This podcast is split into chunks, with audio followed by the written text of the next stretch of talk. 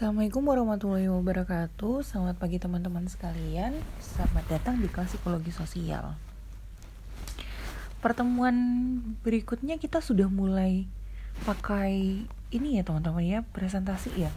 Jangan lupa makalahnya dan juga PPT-nya dipersiapkan. Bersama dengan PPT mata kuliah ini yang pertemuan hari ini saya juga melampirkan makalahnya. Jadi teman-teman nanti bisa mengikuti format makalahnya Kemudian untuk kelas yang belum mengirimkan nama anggota kelompok dan juga um, topiknya yang dipilih, harap untuk segera memberikan ke saya karena salah satu kelas sudah mengirimkan. Nah, silakan buka materi tentang penelitian dalam psikologi sosial. Next slide. Apa sih sebenarnya peran teori dalam psikologi sosial? Beberapa penelitian psikologi sosial itu berangkatnya dari observasi secara informal terhadap keadaan di sekeliling kita. Kayak Newman kemarin yang dia itu memperhatikan kecepatan bersepedanya ketika dia sendirian dan ketika dia ada dalam situasi perlombaan. Nah, itu kan jauh berbeda sehingga dia bisa menciptakan teori dari situ. Dan ada juga penelitian yang idenya berasal dari hasil-hasil penelitian sebelumnya. Contohnya eksperimen Bandura Bobodol. Dari situ kan ditemukan bahwa sebenarnya eh, anak-anak biasanya cenderung modeling atau meniru perilaku yang ditunjukkan sama orang dewasa, seperti itu. Kemudian muncullah social learning theory Nah, kita sebagai mahasiswa, sebagai peneliti ingin melihat nih, sebenarnya apakah cuma anak-anak yang bisa modeling perilaku kekerasan? Ataukah orang dewasa sudah tidak ada fase modeling lagi karena sudah bisa berpikir secara rasional? Nah, itu bisa banget jadi dasar untuk membuat penelitian dan menghasilkan teori baru. Pada tahun 1992 menyatakan bahwa hasil penelitian yang menimbulkan pertanyaan baru akan lebih berbobot dalam psikologi sosial. Kenapa sih lebih berbobot? Karena semakin banyak pertanyaan yang bisa dihasilkan dari sebuah penelitian, maka perkembangan ilmunya akan selalu berjalan. Seperti itu sederhananya. Next slide. Nah, ini piramida ilmu. Dilihat ada dari bawah hingga ke atas. Kemudian next slide, kenapa sih teori itu penting? Nah, dasar yang paling penting untuk memperoleh ide penelitian dalam psikologi sosial adalah teori. Jadi dari teori yang ada, biasanya kita jadi terpikir nih pas mengaplikasikan, hmm, kok kayaknya gak cocok sama konteks di Indonesia, kok kayaknya kurang ini, kurang itu, sehingga itu bisa jadi ide penelitian kita. Teori adalah usaha-usaha yang dilakukan oleh para ilmuwan dalam berbagai bidang untuk menjawab pertanyaan mengapa mengapa sih orang-orang kalau misalkan dihadapkan pada situasi yang uh, stressful cenderung tidak bisa berpikir logis misalkan kayak gitu Idealnya, suatu penelitian adalah upaya untuk melakukan penyusunan atau to construct, mengetes, dan menghaluskan kerangka teori. Jadi teori yang ada dicoba diaplikasikan, dites, kemudian disusun sehingga menghasilkan teori-teori lain itu. Misal, seorang psikolog tertarik dengan pertanyaan, kenapa ya dalam suasana yang menyenangkan, seseorang akan lebih siap memberikan pertolongan pada orang lain daripada dalam suasana yang tidak menyenangkan gitu. Nah, dari situ kita bisa tuh menggali secara lebih mendetail lagi apa sih yang menyebabkan ini sehingga menghasilkan sebuah teori. Seru ya teman-teman. Jadi kalian udah kebayang belum mau bikin teori apa? Next slide. Teori terdiri dari dua bagian utama, yaitu sejumlah konsep dasar atau dalam hal ini adalah suasana hati, menolong dan mempertahankan suasana hati dan juga pernyataan tentang hubungan antar konsep tersebut. Orang dalam keadaan senang berusaha mempertahankan perasaan senang mereka dengan cara melakukan pertolongan kepada orang lain. Nah, ini jadi teori itu ada konsep dasarnya, misalkan konsep dasarnya oh bahwa sebenarnya itu dalam suasana hati menolong dalam hal ini Oh, konsep dasarnya itu ada suasana hati, menolong, mempertahankan suasana hati. Habis itu selain konsep dasar ada juga hubungan antar konsep itu. Sebab akibatnya gimana. Setelah teori diajukan, maka per beberapa prosedur normal harus diikuti. Pertama, prediksi dibuat berdasarkan pada teori. Nah, pre, prediksi tersebut diformulasikan sesuai dengan prinsip logika. Jadi sederhananya itu kayak kita punya hipotesa, kemudian kita uji kayak gitu.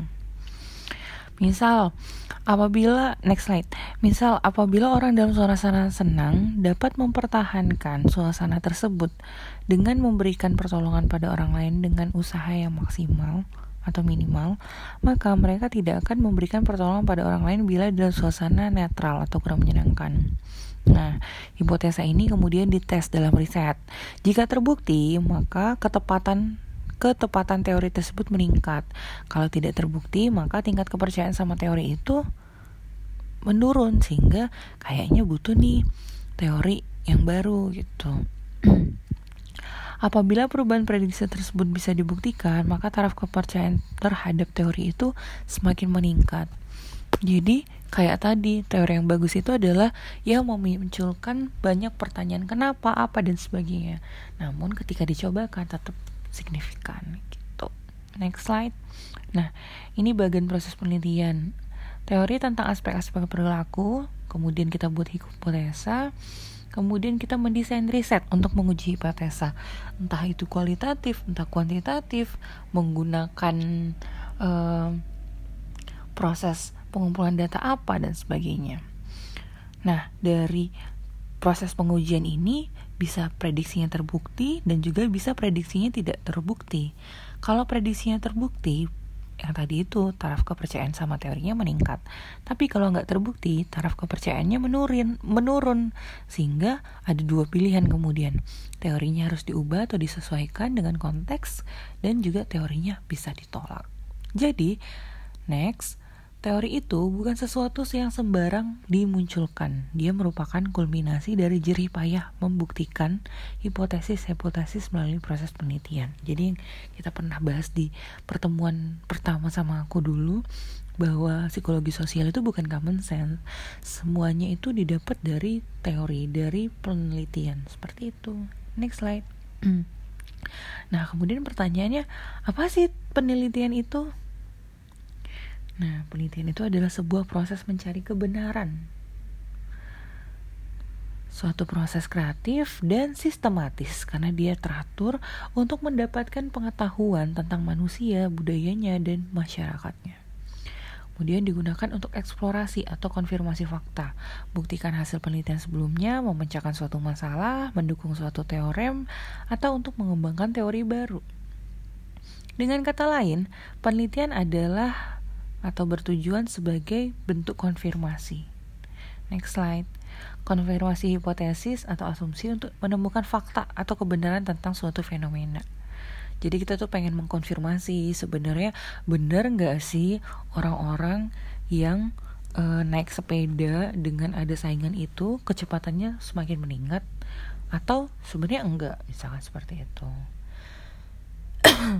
nah, proses ini konfirmasi hipotesa itu adalah bagian dari ontologi dalam penelitian. Kenapa sih harus meneliti? Next slide. The ever growing human dynamics. Ingat gak sih definisi psikologi?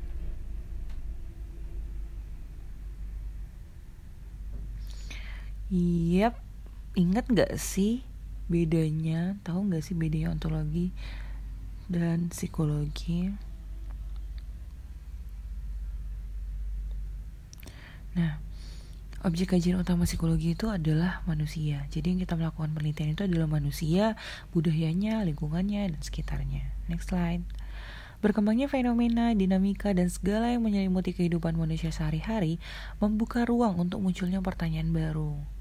Terlalu banyak hal yang masih abu-abu dan butuh dikonfirmasi kebenarannya oleh peneliti. Jangan takut kehabisan bahan untuk meneliti. Jadi teman-teman sekalian, teori itu berkembang sangat pesat. ada teori yang dikembangkan kemudian tidak lagi berkembang ketika taraf kepercayaannya menurun ada juga yang berkembang pesat menjadi dasar-dasar penelitian lainnya karena dasarnya kuat sangat seperti itu nah selain itu juga sebenarnya dalam penelitian dalam teori itu banyak hal abu-abu atau hal yang kita tuh nggak tahu sebenarnya nah itu makanya memunculkan banyak pertanyaan kenapa? Dan lain sebagainya sehingga itu perlu banget untuk diteliti. Jadi jangan takut kehabisan bahan nih teman-teman untuk meneliti. Termasuk nanti kalian mengurus atau menyelesaikan tes skripsi seperti itu atau tugas penelitian lain. Next slide. Kapan kita meneliti? Nah time frame dari penelitian Cinta kita tak lekang oleh zaman, tapi penelitian akan lekang oleh zaman. Ingat, hasil penelitian bukan teks atau naskah suci yang bersifat define. Penelitian adalah objek yang terikat dengan konteks waktu kapan ia dilaksanakan. Jadi kayak penelitian tentang uh, misalkan tentang uh, Holocaust gitu. Nah, itu eh, teori-teori uh, yang dihasilkan dari situ ya mungkin hanya berlaku pada saat peristiwa itu terjadi gitu. Kalau misalkan ditanya sekarang, masih bisa nggak sih? Relevan nggak sih? Ya mungkin nggak relevan karena holocaustnya udah nggak ada kayak gitu. Jadi sebenarnya perkembangan penelitian itu sangat pesat. Jadi teman-teman jangan lupa untuk belajar meneliti. Next slide.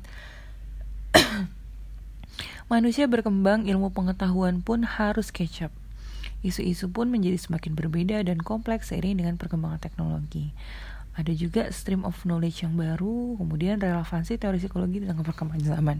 Simpelnya tuh kayak gini. Sekarang setelah situasi Covid, situasi pandemi, cara-cara belajar mahasiswa berubah loh ternyata gitu. Kepatuhan mahasiswa untuk ngisi presensi juga jadinya menurun loh gara-gara kuliahnya online misalkan seperti itu. Nah, di situ teman-teman bahwa sebenarnya manusia kan berubah, berkembang, merujuk pada situasi yang terjadi juga di sekitarnya dia.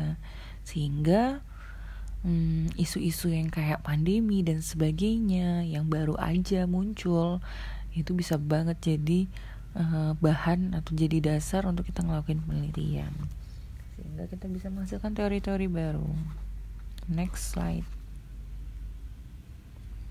Gimana caranya bikin penelitian? Nah, kalian bisa lihat ya di sini ada tahapan penelitian.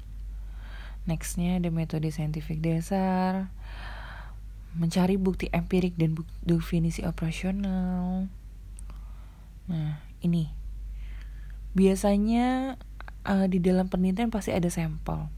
Sampel adalah perwakilan dari sebuah kelompok besar atau populasi, biasanya melibatkan suatu kelompok kecil manusia atau hewan. Sampel, sampel yang tidak representatif berdampak pada hasil tes atau hipotesa yang bias. Nah, biasanya nih teman-teman kalau misalkan kita mau ngelakuin penelitian tentang uh, gimana sih mahasiswa mengerjakan tugas-tugas selama pandemi berlangsung. Dari kita misalkan ada 120 mahasiswa diambil sampelnya secara random sampling dan sebagainya, misalkan jadinya 50, tapi sampelnya harus representatif kayak gitu. Jumlah sampel biasanya itu bisa mempengaruhi hasil atau hipotesa dari penelitiannya. Biasanya semakin banyak gitu sampelnya makin representatif dan teori bisa terbukti. Kalau enggak biasanya jadi agak tidak signifikan. Next, metode penelitian ada banyak sekali. Di sini ada uh, deskriptif, metode yang paling simpel dari penelitian ilmiah. Dia cuma mendeskripsikan perilaku dan proses mental.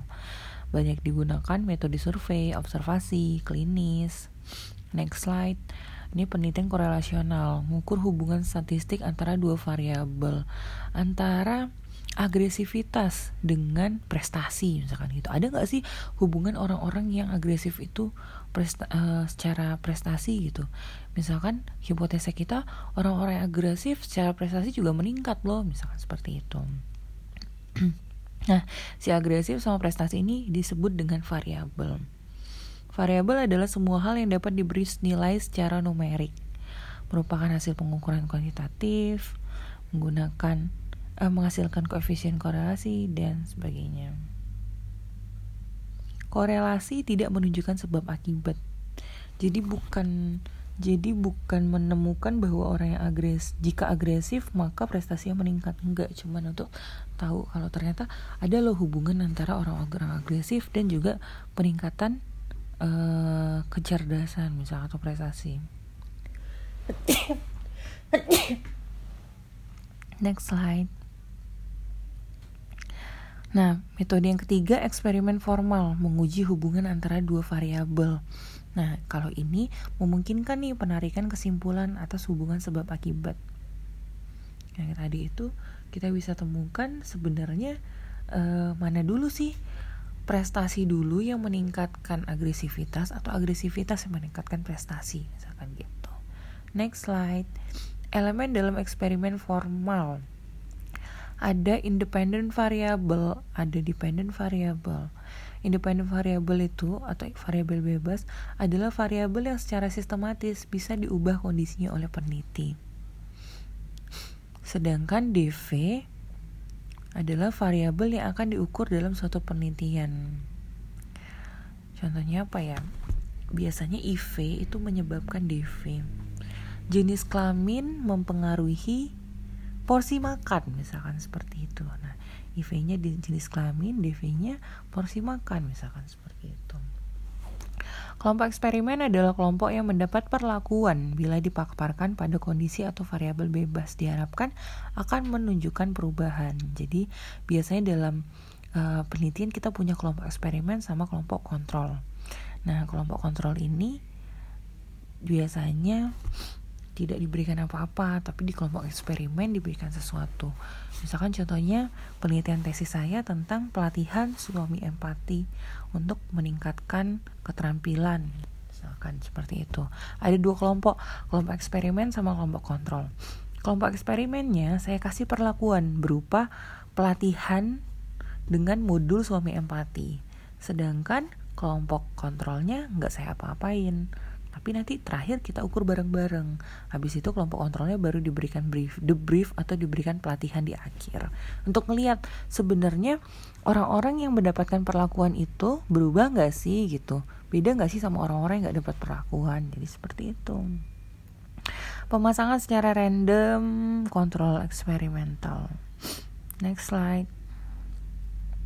Next ini populasi dimasukkan secara random ke kedua kelompok kelompok eksperimen dan kelompok kontrol.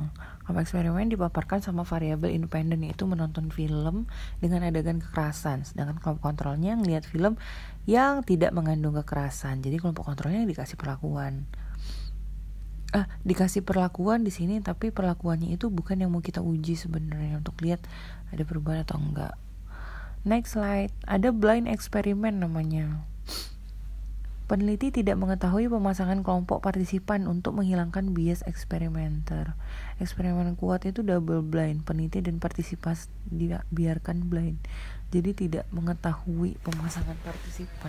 Kadang-kadang kalau kita nggak tahu, kita jadi lebih nggak bias gitu sih sebenarnya tujuannya. Next slide.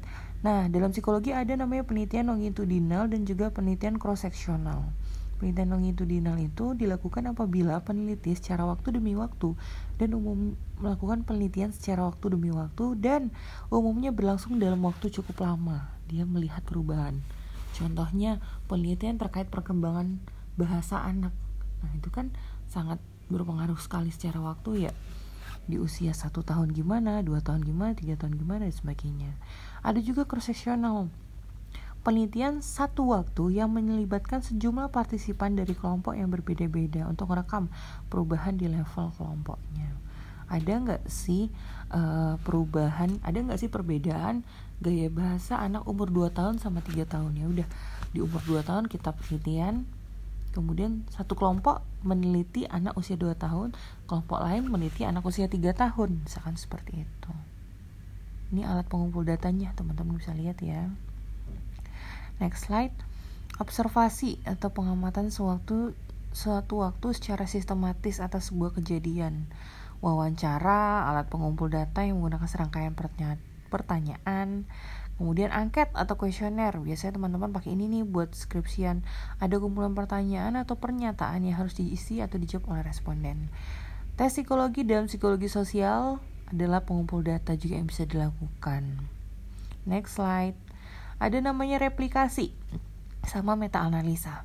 Replikasi ini yang tadi itu menguji ulang suatu penelitian dengan metode serupa untuk lihat benar nggak sih penelitian ini relevan untuk kita punya case misalkan kayak gitu. Sedangkan meta analisa merupakan prosedur statistik untuk menggabungkan hasil-hasil berbagai macam penelitian yang hasilnya berbeda untuk memperkirakan arah dan besaran pengaruh variabel independen. Contohnya tadi itu um, ada nggak sih perubah perbedaan? Ada nggak sih dampak jenis kelamin terhadap porsi makan misalkan seperti itu? Kemudian kita mengumpulkan banyak jurnal tentang itu dan kita akan analisa ulang sama seperti itu. Dengan cara ini diharapkan bisa mengambil kesimpulan apakah suatu variabel mempengaruhi perilaku sosial melalui berbagai macam penelitian atau tidak. Next slide. Ada deception Deception peneliti tidak menjelaskan maksud dan tujuan diadakan penelitian pada reception, pada responden. Alasan digunakan adalah bila responden mengetahui maksud dan tujuan diadakan penelitian, perilaku mereka tidak objektif lagi. Misalkan kalian melihat ada nggak sih dampak hmm, kecurangan akademis terhadap IPK. Nah, di dalam kuesionernya itu kalian nggak terang-terangan bilang ini tujuannya untuk melihat ada nggak sih kecurangan akademis yang mereka lakukan dan ngefek gak ke IPK-nya nggak kayak gitu. Jadi yang kita lakukan cuman bilang penelitian ini bertujuan untuk melihat uh, dinamika yang terjadi pada mahasiswa misalkan kayak gitu. Karena kalau dikasih tahu biasanya mereka jadi um, biasanya bilangnya social disability-nya tinggi. Jadi mereka cenderung menjawab sesuai apa yang norma-norma kita pengenin. No nggak boleh curang nggak boleh ini nggak boleh itu. Nah mereka ikutin itu. Namun kadang-kadang deception ini menimbulkan masalah etika. Pertama bisa menimbulkan sesuatu yang membahayakan bagi subjek karena mereka nggak tahu. Kemudian ada kemungkinan partisipan seolah-olah dibuat bodoh oleh eksperimenter karena selalu diperlakukan semua eksperimen. Next slide, ada informed consent dan debriefing. Informed consent yaitu uh, partisipan diberikan informasi yang cukup tentang jalannya penelitian sebelum memutuskan untuk ikut serta dalam penelit dalam suatu eksperimen. Jadi nanti ada kayak lembar inform konsen, nama, usia, jenis kelamin, tempat tanggal lahir, alamat dan lain-lain. Dengan ini menyatakan kesediaan untuk mengikuti penelitian ini. Nah, di bagian atasnya kita juga udah jelasin penelitian ada ini adalah ini ini dilakukan sebanyak ini ini um, dan dalam prosesnya nanti anda mungkin ngerasa ini ini dan sebagainya jadi kita debrief dulu kita briefing dulu di awal setelah kita briefing di awal mereka bisa tanda tangan kalau mereka setuju nah kemudian ada namanya debriefing pada akhir penelitian, semua partisipan harus diberi debriefing penjelasan secara lengkap dalam segala aspek penelitian, termasuk tujuan penelitian, penggunaan deception, dan dalam waktu-waktu tertentu selama eksperimen berlangsung. Jadi disampaikan. Next slide, etika penelitian dengan partisipan manusia seperti ini ya teman-teman. Nextnya rambu-rambu. Ingat penelitian adalah proses mencari kebenaran dan kebenaran itu tidak dicari dengan sembarangan. Nah, penelitian itu harus valid dan reliable. Valid mengukur apa yang ingin diukur, reliable kalau diukur di kemudian hari hasilnya tetap sama. Jangan melakukan kejahatan akademis seperti manipulasi jangan melakukan kejahatan etika akademis seperti plagiarisme. Jadi, ini adalah bagian dari epistemologi dari penelitian. Next slide. What it takes to be a researcher. Apa aja sih yang dibutuhin? Analisa, kemampuan analisa, manajemen data, logika, statistik, ketelitian, dan sebagainya. Dan ini nanti terlihat di proses dan akan menghasilkan sesuatu yaitu teori yaitu hasil penelitian. Next slide. What it what it really takes to be a researcher? Ada enam will. Willing to learn willing to endure willing to improve willing to listen willing to fail and willing to be wrong. Next slide. What will I become? Okay next. Melakukan perilaku sains atau ilmiah atau akademis itu menggunakan membutuhkan upaya kolaboratif. Jadi hmm, sebenarnya apa yang kita lakukan dalam penelitian itu sangat berdampak sekali tidak hanya satu generasi tapi juga di generasi-generasi berikutnya. Nah jadi kita butuh untuk membuat penelitian yang sangat komprehensif. Next slide. Riset adalah satu dari banyak cabang karir akan tetapi riset itu sangat spesial. Karena spesial susahnya. Kenapa? Karena riset itu mencari kebenaran atau the truth. Jadi teman-teman sekalian, mulai sekarang nih, kalian sering observasi di sekitar, kemudian mungkin kalian terbayang kayaknya nanti aku mau riset uh, skripsi tentang ini deh, atau kalian mau berangkat konferensi, kayaknya aku mau apply uh, untuk konferensi deh, publikasi karya-karyaku gitu. Misalkan ada konferensi di Indonesia ataupun di luar negeri itu boleh banget tuh teman-teman gitu. Jadi keep doing research even researchnya nggak pakai research penulisannya sangat kayak gini yang simple aja juga bisa banget disebut dengan research tapi akan lebih bagus kalau hasil penelitian kalian dituliskan dalam bentuk ilmiah terus saintifik sehingga nanti bisa dipublikasikan dan nama kalian bisa dicatat di situ. Baik, terima kasih sekali teman-teman untuk perkuliahan hari ini. Untuk perkuliahan minggu depan, saya minta ketua kelas untuk menginvite saya ke grup kalian Nah, kalau sudah nanti kayak yang kemarin kita sudah sampaikan, prosedurnya adalah teman-teman akan melakukan presentasi di grup WhatsApp. Jadi ada satu PPT yang di-share di slide satu, kemudian di bawahnya ada yang nge-VN. Jelasin.